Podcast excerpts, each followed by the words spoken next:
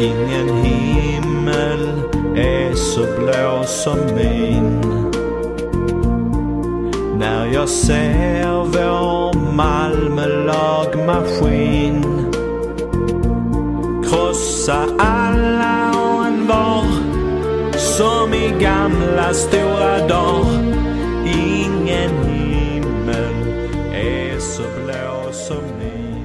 Hej och välkomna till avsnitt 4 av Himmelsblå-podden. Ja, vi är studenter på Malmö högskola och praktiserar här på Malmö FF.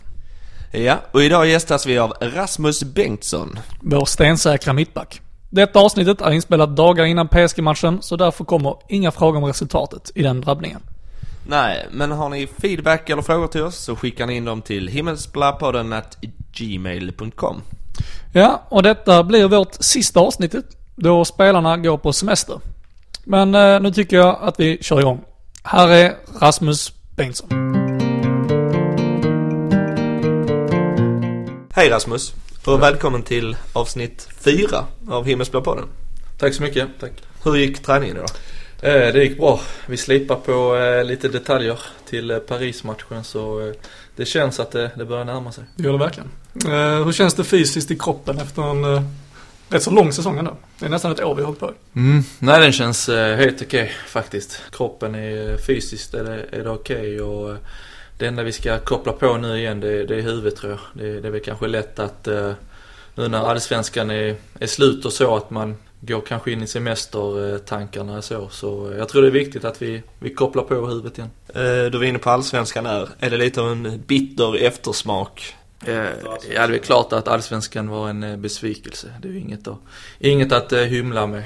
Så, men det är också en ännu större revanschlusta till, till nästa år som, som ligger och ja, har börjat Tankarna har börjat snurra i huvudet redan att ja, se fram emot nästa allsvenska säsong.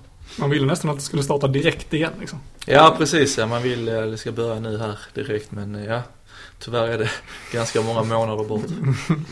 Men du sa även att det har varit lite mentalt jobbigt och nu med allsvenskan de sista omgångarna sådär. Mm. Har det varit så för alla liksom i... Nej, alltså det, det, det är väl mer undermedvetet kanske att eh, det närmar sig slutet av säsongen och vår serie är avslutad och ja, övriga lag i, i Sverige är på semester nu och, och hela den. Så det, jag tror eh, det är extremt viktigt att man behåller fokus och, eh, och är med mentalt här nu de, de sista veckorna. Hur, hur var då känslan när eh, Norrköping fick ta guldet här på hemmaborgen? Nej, det var, det var väl det var klart. Vi hade önskat att det, att det var vi, men sen vem det var som vann, det, det brydde jag mig inte speciellt mycket om. Så eh, den enda besvikelsen var att, vi, att det inte var vi som vann. Eh, Det blir väldigt stort fokus ändå på Svenska Cupen för att vi ska kunna ta oss till Europa då i början av nästa säsong. Blir det nästan mer fokus på Svenska Cupen än inledningen av Allsvenskan? Eh, nej, det tror jag inte utan eh, som, men ändå som du säger, Svenska cupen kommer att ha stor betydelse och som det ser ut nu så är det vägen in i Europa till, eh, till nästa säsong så eh, den blir oerhört viktig men eh, vi kommer nog inte slappna av i allsvenskan bara för det utan eh, det kommer att vara full rulle på, på båda turneringarna. Hur planerar ni som spelare då? Alltså för ni måste ju toppa formen tidigare för att kunna ta er längre liksom. Ni måste vara bättre förberedda för Svenska cupen och motståndarna. Är det något speciellt upplägg ni behöver ha då eller? Ja, det är väl upp till eh, tränarstaben eh, hur de vill eh, Ja, hur de vill lägga upp eh, försäsongen och, och så men eh, som sagt det är, en, det är en lång säsong så jag tror inte bara man ska stirra sig blind på de eh, första veckorna på säsongen utan det är, det är en lång säsong och så det gäller att hitta en bra balans, att, att vara bra förberedda när Svenska cupen drar igång men att eh, vi ska också kunna bli bättre under, under själva säsongen. Hur ser det ut för semestern för er spelare i, i år? I och med att vi, säsongen slutar ändå ganska sent. Så. Blir det träning för att vara full fokus i, i början av säsongen eller blir det... Ja, det Hur blir lång att semester har ni? vi, Ja, vi blir, vi har ju, ja, efter Real där någon gång har vi, har vi semester och sen eh, drar vi igång igen i, i januari. Så, eh, och då börjar det med väl lite tester och så här hemma tror jag och sen eh, är det träningsläger. Så, ja, någon vecka har vi nog ledigt. måste vara irriterande att se de andra allsvenska grabbarna vara ute på semester nu. Nej, faktiskt inte. Sen när de, Alborg ligger vid beachen liksom. Jag tror de har nu det jobbigare kanske att se oss spela Champions League så jag skulle nog inte byta ut det mot semester. Nej, det skulle nog inte många göra i och för sig. Ehm, så vi tänkte att vi, vi kör lite snabba frågor här nu. Där du svarar lite snabba svar. Innan vi går vidare. Så vilken är favorit-tv-serie? Ja, snabba svar. Eh, Det var länge sedan jag såg tv-serier men eh, Vänner är väl ett sånt. Vi klipper dig snabbt. Ja, precis. Eh, favoritbok? Uh, jag har inte, om jag ska vara ärlig så har jag inte läst en bok i stort sett hela mitt liv. Så eh, pass. Uh, ditt skägg eller bergets? Eh, mitt.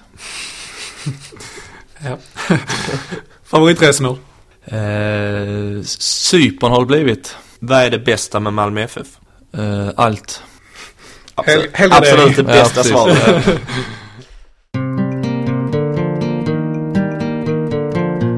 nu ska vi prata om Rasmus uppväxt i Höllviken. Och även om tiden som anfallare och som ungdomsspelare i Malmö FF. Så nu tänkte vi att vi går in och pratar lite om din bakgrund. Så, um, var i Malmö är du uppväxt? Mm, upp i Höllviken. Hur var det att växa upp där? Ja, det är ju utanför Malmö. Ja, precis. Ja, så, ja, ja. Hur var uppväxten där? Eh, jättebra. Inget, inget jag vill eh, ändra på. Hur ser din familj ut? Eh, mamma, pappa, bror. Storbror eller? Storbror, ja. Precis. Mm. Hur var det i skolan? Eh, bra. Jag eh, gick, klarade mig genom alla, alla klasser och gick ut gymnasiet och eh, var inte den bästa eleven men eh, jag eh, klarade mig godkänt i, i allt i alla fall. Det är ändå snyggt. Det kan jag Mm. Eh, Hur tror du att det är viktigt för fotbollsspelare? Alltså, jag tror många bortser från skolan i ung ålder. Mm. Men det är ändå en ganska stor risk att ta. Mm. Ja absolut och jag, jag ser väl bara själv att det var många som skippade skolan eh, i min, eh, års, alltså i min årskull och satsade på fotbollen och, och eh, som inte riktigt lyckades med, med fotbollen sen och sen har de mycket att ta igen i skolan efter så eh, jag tror det, det är viktigt att, eh, att ha plugget och eh, göra klart det till eh, så gott det går i alla fall. Ha den tryggheten. Ja. Så man kan läsa böcker och sånt. Ehm, har du haft några jobb? Utom fotbollen då? Eh, sommarjobb. Mm.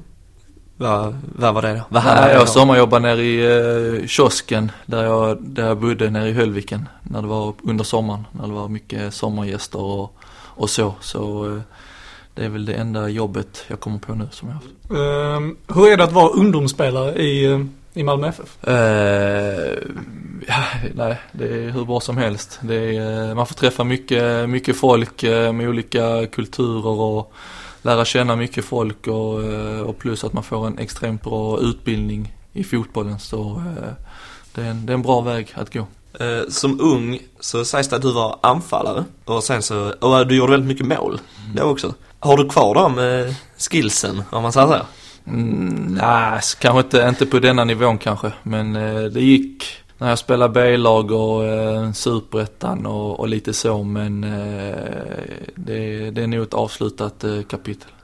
Du skallade ändå in en boll mot, eh, det var Hammarby va? Ja, precis ja. Även om jag gärna hade velat göra no- några fler det, denna säsongen så eh, hoppas att det kommer mer nästa år. Kommer mot Paris nu. Ja, precis.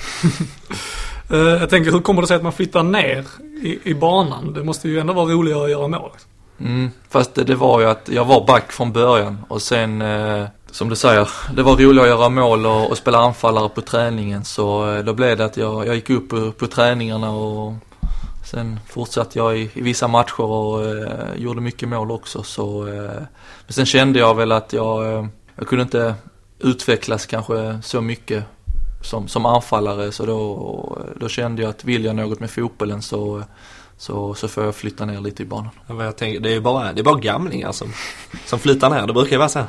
Ja, precis. tillbaka. Ja, jag flyttade ner när jag var eh, 21, 21 tror jag. Så, Ja, okej. eh, Du gick mot strömmen. jag gick mot strömmen Det var inte som Danne som flyttade Nej, ner precis. på Nej. äldre dagar. Nej, precis. Så, nej. Du blev utlånad till Trelleborg först där eller? Trellehulla. Ja. Och sen blev det permanent. Hur eh, var det liksom att ha ett Malmöhjärta men att då gå till en lokalkant? Den förbjudna övergången liksom. Ja, ja, fast sen tror jag att, eh, jag tror Malmö och Trelleborg har, har stor eh, användning för, för varandra också tror jag. Det är, så som min situation var så, eh, så var det ett jättebra bra steg att ta. Att eh, flytta ner till, eh, vi låg superettan då med Trelleborg och, och, och få lite mer speltid. Lite mer A-lagsfotboll och eh, få utvecklas lite i, lugn och ro och, och så. Så eh, för mig så var det ett eh, perfekt eh, steg att ta. Så eh, jag tror utan det steget så hade jag nog inte suttit här. Hur, hur fungerar diskussionen där med Malmö när du var utlånad och sen gjorde lånet permanent om man säger så? Hur, hur var den diskussionen mellan Trelleborg och dig? Och, Nej, just det året jag var utlånad så hade jag inte speciellt mycket kontakt med Malmö. Malmö. Och eh, som du säger, mitt kontrakt gick ut med Malmö också när jag efter, efter första säsongen i Trelleborg och eh, jag, jag ville stanna i, i Trelleborg ändå därefter. Så eh, det var väl inte speciellt mycket att eh, diskutera utan det var att eh, jag blev utlånad och sen ville jag stanna kvar i Trelleborg och, eh, och, och stanna där. För vi, vi gick upp till Allsvenskan det året också. Men då vill man inte lämna. Nej, och som det var som sagt, det var, hade chans på allsvensk eh, spel så eh, nej, jag ville stanna då. Ja, det förstår vi. Efter ett lyckat U21-EM och en bra säsong i Trelleborg var Rasmus het på marknaden. efter flera vändningar blev det till slut Hertha Berlin i Bundesliga. Nu berättar han varför.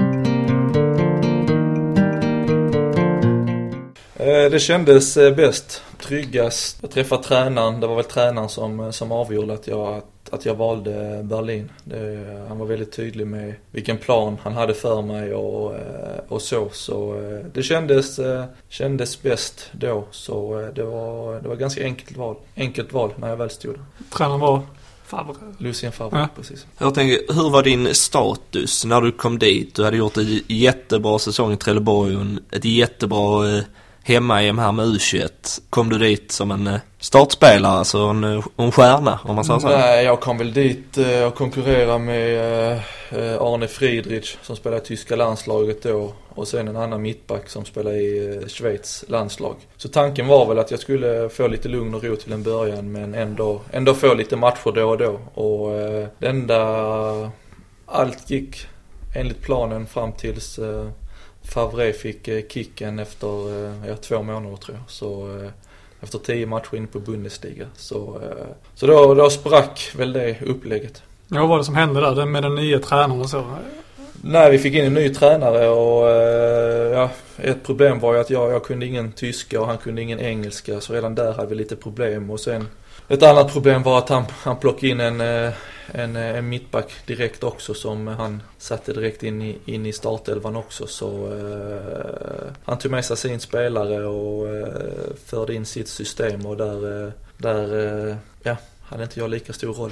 Var det inte så att han, du, jag har för mig att du blev uppkallad på hans kontor och så snackade han tyska med dig? Ja precis, han, han satt inne på hans kontor tillsammans med den assisterande tränaren och eh, så började han fråga mig först typ ja, hur är läget och så på tyska och, och det kunde jag ju svara på och sen skulle han då gå igenom vad, hur han såg på situationen och vad han ville med mig och eh, jag sa jag förstår inte vad du säger och han fortsatte babbla och, eh, och det slutade bara med att jag sa okej och så, så gick jag. Det var väl första och sista gången jag kommunicerade med honom. Och eh, som du var inne då på så det blev sämre med speltid där efter att Fav hade lämnat. Hur, hur är det som fotbollsspelare i ganska ung ålder att stå utanför och inte få de matcherna som man behöver? Nej, det är klart det var, det var frustrerande och, och sen var det också att eh, det var, ja, det var första gången jag flyttade, flyttade vad ska man säga, ifrån eh, familj och, och vänner och till ett nytt, nytt land så eh, det var klart att eh, hela situationen var, var ny för mig och eh, det var klart att det, det var en jobbig tid. Det, eh, vad ska man säga, det, eh, men det stärktes, man stärktes ändå som, som person och jag tror eh, att eh, jag har blivit, jag har utvecklats, eh, vad ska man säga, det positiva med det är att jag har utvecklats e- extremt mycket som, som person och, och, och så av det. Så eh, ja, det är väl det. Hur, hur akklimatiserar man sig när man går till ett annat land, det är en ny kultur, det är, det är nytt fotbollstänk. Mm. Och så både utanför och på planen är det ju helt nytt. Mm. Hur, hur fungerar den acklimatiseringen? Det, det är extremt stor skillnad. Det är, många tror väl utifrån kanske att det är man bara flyttar till ett nytt land och ska spela fotboll och tjäna mycket pengar och, och leva, leva livet. Men det är, det är så mycket, mycket mer än att bara spela fotboll. Det är, man kommer till ett nytt ställe och eh, ett nytt språk, en ny kultur. Eh, allting är nytt. Och så eh, man måste vara extremt stark, stark mentalt tror jag och, och klara av vissa saker. Och är man i Sverige och man inte får speltid så Åker man hem från träningen så hänger man med familjen eller med polarna och man tänker inte mer på det utan eh, Men det, det, det är annorlunda utomlands och eh, ett tuffare klimat så eh, det, det krävs mycket av en. Kan du någon tyska nu? Eh, inte mycket. Nej. Några svordomar måste du ha lärt dig så du kunde Ja, ge det- tillbaka till det- tränaren. Det är scheisse typ. Ja, ja. Men sen kom då Twente eh, 2010. Bröt du ditt kontrakt med Hertha där då? Uh, nej, vi, ja, vi åkte ut med, med Hertha och mitt kontrakt gällde bara för uh, Bundesliga. Så uh, de ville förhandla om kontraktet uh, men det, det ville inte jag och, och Twente dök upp så jag nappade på det. Kom det lite som en räddning då, Twente, att nytändning? Ja men så var det. Jag, visst, man hade börjat, ska inte säga tveka på en själv men det, man hade blivit lite osäker på sig själv och börjat fundera på att ja, men, Ska jag flytta hem till eh, Trelleborg igen kanske och, och börja om och, och lite så men jag hade väldigt bra rådgivning eh, eh, vid min sida och eh, när Twente dök upp så, så kändes det jäkligt bra. Så eh, ja, de fem åren jag hade i Holland det är eh, år jag alltid kommer ta med mig. Vad sa de då? Att de, de liksom ville ha dig som... Ja det var väl lite samma, samma situation. Jag kom dit som de sa att de hade, det var två bra mittbackar där.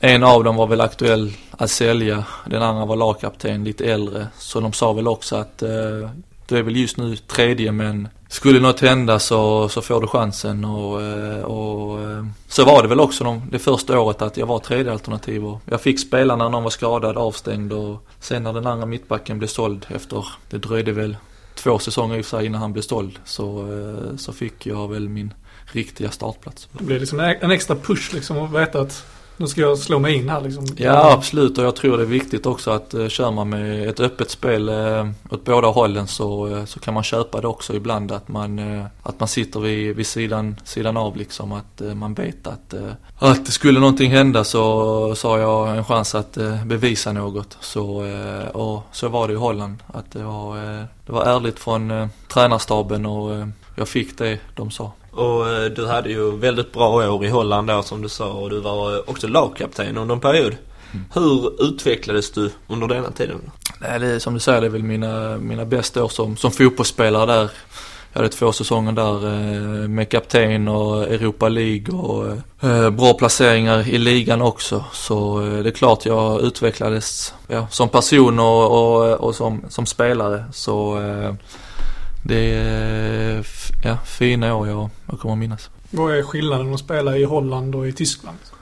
Ja, klart Tyskland är, det är ju det är snabbare och, och, och lite tuffare och så såklart. Så det, det är klart det är, det är en bättre nivå i Tyskland men eh, Holland är väldigt eh, lärorikt eh, för fotbollsspelare med eh, teknisk skicklighet och passningsfotboll och eh, individuell skicklighet och utveckla det. Så eh, rent personligen så hade jag fått ändra något kanske så hade jag kanske tagit mitt första, första steg till, eh, till Holland och, och sen ja, då till Tyskland om jag hade ändrat det. Många svenskar tar ju det steget till Holland. Mm. Nej men jag tror det är ett extremt bra steg. Det är, det är, det är bra fotboll, de utvecklar en individuellt och eh, jag tror klarar av eh, att spela i holländska ligan så, eh, så har du stor chans att klara av att spela i andra ligor också. Alltså, holländska ligan har ett rykte om sig att vara väldigt offensiv och det är mycket mål och Mm. hur, alltså hur är det att vara försvarare i sånt? Det känns ju inte som det är någon vidare försvarsorganisation. Mm. Nej det är, som du säger, det är Men det var det ju Twente i fem år. Ja, i Ja, det är fem år var det stabilt. Nej men det är som du säger, de, de utvecklas individuellt extremt mycket och träningen är mycket individuellt anpassad också. Så eh, det är väl också som försvarsspelare, klarar du av att hantera din en, en mot en situation så har du mycket, mycket vunnet och är du anfallare och lyckas slå din gubbe så, eh, så har du stor chans till att göra mål. Så eh, det eh, det ställs extremt höga krav på fotbollsspelaren att klara av, klara av att leverera. Det är inte som i Sverige väldigt organisatoriskt utan det är mer Nej, alltså visst. Solo. Det, det är mer zon i Sverige och ibland så kan man komma undan med, med, med zonspelet att jag ska inte säga att man gömma sig men eh, även har man inte med sig någon spelare ibland så, så kan man komma undan ändå. Lewicki faller ner om du kliver upp. Ja precis, eller att, eh, att de gör jobbet till mig istället. Så, eh, ja. Det lät också ganska skönt. Ja. Uh, Mikael Jansen som tränade i Twente. Han, eh, han sa att du, han tyckte att du borde vara ordinarie i landslaget. Men det blev ju aldrig riktigt, trots väldigt god form då i Twente, att du fick chansen på riktigt. Alltså flera matcher i rad och sådär. Hur gick snacket mellan dig och Erik då? Mm, nej, det var väl inget, eh, vi hade väl inget snack så. Så, eh, så det var väl egentligen inte eh, mycket från, eh, från landslaget. Så, eh, men det var, jag var, det var väl ingen kommunikation med landslaget så där kan jag inte säga Känns något. märkligt. I den goda formen du hade så borde du, ja, du borde varit aktuell fall. Ja, nej men det kanske var så att jag hade något bra år där som sagt i, i Holland och eh, hade man kanske fått någon lite större chans i, i landslaget kanske så eh, hade man kanske haft en annan roll. Hur ser du på landslaget nu? EM-truppen. Ja, För- EM för dörren För mig själv eller? Ja. Nej, som sagt det, det är väl inget som eh, går i tankarna utan det är, eh, det, det är Malmö som, är, som gäller och, eh, och, och så så eh, det är väl det som är nummer ett. Så Vi har ju- inte... Vi har ju lite försvars, försvarskris ju, så att Ja, men det behövs en stabil bänknäckare där borta. Ja, fast ja, var jag inte aktuell då så, så tror jag inte att jag är aktuell nu heller. Du får plocka ner Zlatan på. Ja, det kanske Nu i veckan, som, så. det som krävs kanske. Eh, sen blev det då lite ekonomiska besvär i Twente då. Hur påverkade det er som spelare? Nej, det var klart att det, det ju mer tiden gick och ju mer snacket gick eh, i tidningar och, eh, och så runt omkring så, så blev det mer fokus på, på pengar och hela den biten så eh, det var klart att allt allt gott som hade hänt med, med fotbollen och allt runt omkring så blev det plötsligt eh, negativt med, med den ekonomiska biten och, och, eh, och till slut, ja, gick det så långt att eh, ja, man var tvungen att se sig om för något nytt. Jag tänker fotbollen, så träningarna så förändras kanske inte så mycket. Nej. Men jag tänker märktes det av när man kom till platsen att det var en annan stämning hos... Nej, det var klart att det, det vi snackade också om det inne i, i laget att eh, vi var Oftast det som stod i tidningen och det folk snackade om utåt, det, det stämde ju inte. Och, och det är klart man snackade om det i omklädningsrummet men när man just tränar så, så var det ju inte något stort. Men eh, det blev ju att istället för att träffa folk på stan som, som pratade om eh, förra matchen och och fotboll så blev det att eh, med pengar och eh, hit och dit så eh, det är klart det var inte, det var inte så kul just då kanske. Och i denna tiden då som var så kom ju Malmö Mm. som ett alternativ. Var det, var det alltid målet? Eh, ja, vi hade väl eh, ganska tidig kontakt på, på året där förra, förra, förra året så eh, det växte väl in mer och mer hela tiden också så eh, till slut så, eh, så var det ett ganska enkelt val. Mm. Mm. Vi är glada för det valet. Mycket glada är vi. Efter flera år utomlands vände Malmöpågen hem igen. Nu har även Rasmus fått en låt. Eh, och nu ska vi då gå in på Malmötiden här nu.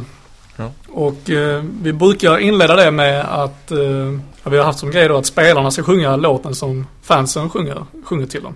Okej. Och du har inte riktigt fått en eh, återkommande ramsa liksom. Så vi har skrivit den till dig. Okej, ja. Mm. Så får du utvärdera nu efter om, om vi ska liksom skicka den till supportrarna eller ja. något liknande. Så, eh, ja, ja. Det är en kille med Malmö i hjärtat. Himmelsblå vill han alltid förbli. När Danne hittar dig. Sa du inte nej? Det var dags för ett nytt äventyr. Åh, Rasmus Bengtsson. Vår Rasmus Bengtsson. Han är tuff och hård. Malmös egen lord. Lämna aldrig Malmö igen. Det här är ditt hem. Nej, faktiskt imponerande. Så, Den funkar? eh, Ja, den funkar tycker jag. Så eh, varför inte? Jag känner nu har vi ju lämnat det här med ramsorna. Vi har gått in lite mer i pojkbandsvisor och sådär. Det var väldigt passande. Du har ju varit på luffen. Så att... eh, Ja, precis. Ja. Och nu är Rasmus tillbaka liksom. Ja. Och då funkar den kanske. Ja. Eh, Så vad tycker du om supportrarna i, i Malmö? Eh, fantastiskt. Det, är, eh, det, det stödet vi, vi får här hemma men ja, även på bortamatcherna är, eh, är magiskt. Jag har som sagt jag också jag har spelat några fina matcher ute i Europa med eh, fina arenor med mycket folk och så men jag tror den stämningen som det har varit här i, i hemmamatcherna och, så det, det är nog det, det bästa jag har varit med om. Hur stor betydelse har det? Alltså supportrarna och stämningen för er spelare? Extremt. Det är, eh, jag ska väl säga nästan att det är, kanske har för stor betydelse kanske. Och eh, framförallt här i Europamatcherna har det varit att man har fått eh, extra energin och eh, extra självförtroendet och, och, och den biten. Så ja, det känns verkligen som man har, vi har tagit oss fram tillsammans liksom och och, och så, så, så är man bara rädd, är man rädd för att det har stor, för stor betydelse kanske att man när man då står på borta, bortaplan så, eh, så ja, är det inte samma atmosfär. Det är ju skönare att höra malmöitskan än ukrainskan. Ja, det Ja precis, ja, så eh, det var lite, lite skillnad. Mm. Jag tänker även på det. Alltså, blev, det blev det nästan lite negativt sen när man kom tillbaka till Allsvenskan? Det var inte alls samma tändning från varken publik och kanske inte från er heller att ställa om. Kunde det vara negativt för er? Nej, utan jag tycker också i, när vi har spelat bra så har också publiken varit extremt bra här hemma och eh, så det är väl eh, allt, det känns som allt är publiken bra och vi spelar bra så blir det extra bra atmosfär och spelar vi sämre så, och så så blir det lite sämre på läktaren också. Det, så är det ju överallt. Så, men ja, jag skulle nog inte byta ut vår hemmapublik mot, mot någon annan. Så nej, bara fortsätt med, med det vi har gjort. Det är bra betyg. Ja. Ja, verkligen. Du skrev på ett eh, långt kontrakt med Malmö. Vad är dina personliga mål med de här, under de här åren? Nej, ett av, ett av målen var såklart att eh, komma ut med MFF i Europa. Och, eh, ja, och sen såklart att, eh, att eh, ha som målsättning att, eh, att vinna varje, allsvenskan varje år och eh, försöka vinna så mycket som möjligt och jag tycker att vi har eh, förutsättningarna till att vara bäst i Sverige och, och, eh, och också vara ute i eh, någon av Europaturneringarna i stort sett varje säsong. Bra mål. Bra mål. Ja, Riktigt bra. riktigt bra. Um, tyvärr har du haft lite problem med skador och sen återkomsten har ju varit en del småskavanker och sådär. Vad tror du det beror på?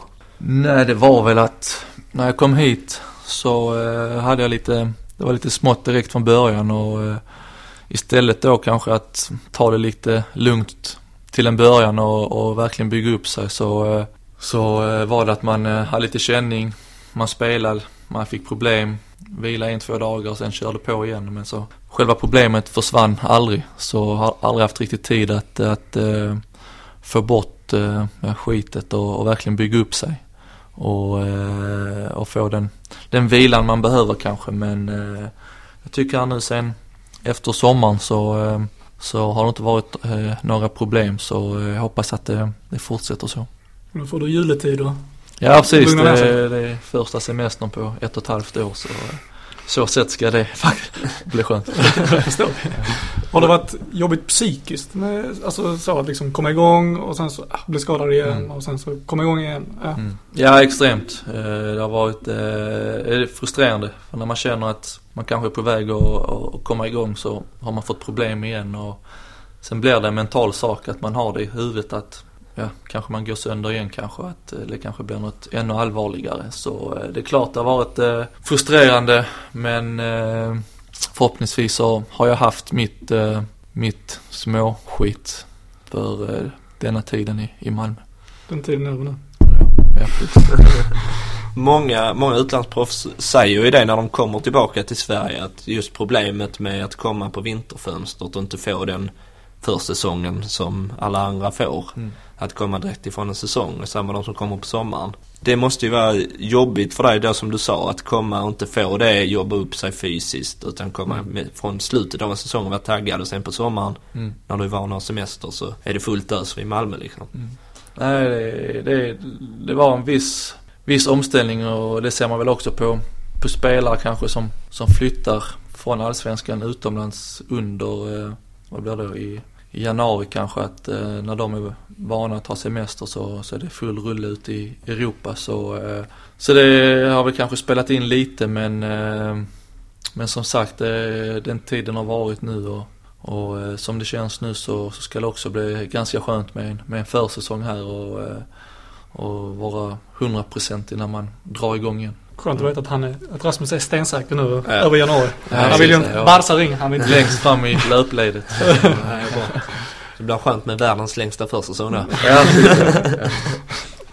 Hur, eh, hur är det att spela med eh, Kari jämfört med att spela med Helander eller Erik? Är det någon skillnad? Eh, ja, jag hann väl inte spela speciellt mycket med Helander eller, eller Erik. Men eh, jag tycker jag har fått ett bra, bra samarbete med, med Kari. Han, eh, fun, han fun, jag funkar bra med honom både som utanför, som med hans personlighet och eh, hans sätt att, att se på, på fotboll och, eh, och tänka försvarsspel. Så eh, det känns som vi har, vi har hittat varandra bra. bra så eh, nej, det, det, jag är glad att få spela med Kari. Hur är då skillnaden när man får spela med Carvalho? Där är det språkförbistringar och sånt. Ja, det är väl det som är det största kanske. Det är väl språket men annars så är det alltså, det är lätt också att bara skylla på språkförbristningen men det är, det är, det är ganska, vad ska man säga, Cavalli är duktig försvarsspelare, Frans är duktig försvarsspelare men man behöver alltid lite tid tillsammans att lära känna varandra på plan. Och jag tror, hade jag spelat mer med Felipe så hade inte det varit några problem. Och hade Felipe spelat mer med Kari så hade inte det varit några problem. Så eh, enda problemet är att man måste spela ihop så tror jag. Han har ju gått, både han och Joshua har ju gått eh, svenska kursen nu. Har ni utbytt några meningar? Ja, jag ser att han, han går runt med sitt block och, och så ibland så... Eh, Svårt att se det. Ja, så eh, nej, vi får se här till, till nästa säsong kanske hur, eh, hur det har gått men eh, nej, det, han, är, han är på gång. Kan de ingen engelska heller? Eh, nej, Ytterst lite. ytterst lite. Ändå skönare karaktär. Ja, det är det verkligen.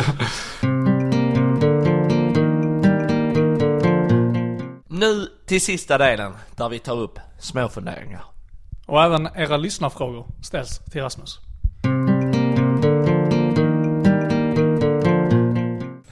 Eh, Nu går vi in i sista delen här.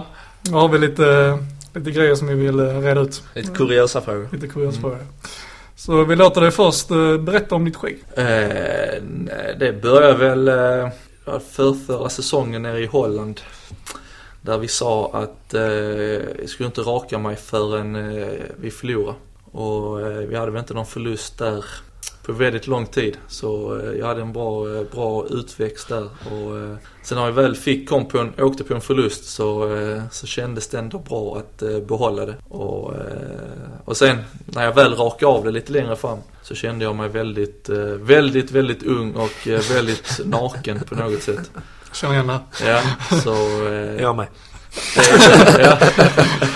Nej, det är väl anledningen att jag, jag känner mig, eh, känns bekvämare i det just nu. Vad säger frugan? Eh, både ja och nej faktiskt. Eh, under vinterhalvåret så brukar det vara lite längre än, än under sommaren och eh, hon har väl börjat köpa det nu. Ja, det är skönt. Um, tänkte på det här, det kom ju fram någonting att eh, du och Ronaldo hade haft lite trash talk där. Han hade skrikit några välvalda ord eller vad det nu var. Generellt, är det mycket trash talk? Eh, eh, det är allt. Viss, vissa spelar extremt mycket. Vissa mindre. Så det, det varierar. Det är, det är de första jag kommer att tänka på som gillar att springa runt och gnälla. Det finns väl några, någon i Göteborg. Det är väl de första som jag kommer på. Men eh, det, det varierar. Mm. Vad brukar du säga? Liksom? Nej, Har jag, du- är har nog, jag, nej jag, är nog, jag är nog väldigt eh, lugn i just det men eh, när det väl händer så, eh, så är det väl inga mogna ord Vad är det man brukar få höra? Nej det är väl att, eh, ja ni vet säkert det är hur ful man är och hur... Raga dig. eh, ja typ och, eh, nej allt, allt under eh, bältet typ. All, allt hån som du gör. Ja typ. Har du gått upp några kilo och lite sådär? Ja lite, ja är det så snällt så... eh, Ja, så alltså det är så snällt. så det- Jag var ju mer osäker på att säga det. Ja. Eh, Vem är den bästa spelaren du har spelat med under din utlandskarriär? Mm, bästa spelare jag spelat med får jag nog säga Nasser Chadli. Han, han var i Twente där Han var i Twente, Ja. ja. Det var han och, han och Tadic som jag tänkte på. Men jag, nej, Chadli var extremt eh, skicklig. Så Mm. eh, får ni säga honom. Ja, det går bra för honom nu också. Så. att- Ja, All lycka till honom. ja. Ehm, nu ska vi köra lite lyssnarfrågor som vi har fått in till dig. Eh, Så eh, nummer ett här från eh, Adam. Han undrar, är det jobbigt att bo utomlands när man har familj och barn? Eh, ibland. Det är, eh, man blir, eh, det är positivt att ibland och negativt ibland så eh, det är, eh, överlag så är det helt okej men det är klart det finns eh, stunder som, eh, som, som är tuffa. Uh, Johan som undrar, känner du dig som en ledare i laget? Eh, ja, ju längre jag varit här ju mer känner jag mig som det. Så eh, det är väl något jag hoppas att jag, jag, kan, jag kan vara också här i kommande säsonger. Fredrika undrar, om Hamrén ringer, vad säger du då? Eh, Beror sig i och för sig på vad han frågar. Ja, precis ja. Nej men Om- han man frågar mig om jag vill eh, komma till en samling. Mm. Nej det är väl klart att det, det skulle vara aktuellt. Om han säger, följ med till Frankrike, då säger du bara oui. Oui. Han svarar inte på tyska i alla fall. Nej, som spelare då. Ja. Inspiratör. Vi eh, var klara där. Så vi tackar så mycket för att du tog dig tiden. Tack själv. Mm. Tack så mycket. Och lycka till mot Real. Ja, och Paris. Och Paris. Ha det bra! Perfekt. Ja, tack för att ni har lyssnat och vi tackar även Rasmus ännu en gång. Som sagt, det här blir det sista avsnittet och vi tackar alla som har lyssnat och engagerat sig. Ja, tack så mycket. Men det är bara allt för oss. Framåt Malmö! Heja, de blåa. Ingen himmel är så blå som min. När jag ser vår Malmö-lagmaskin Krossa alla och en var Som i gamla stora dagar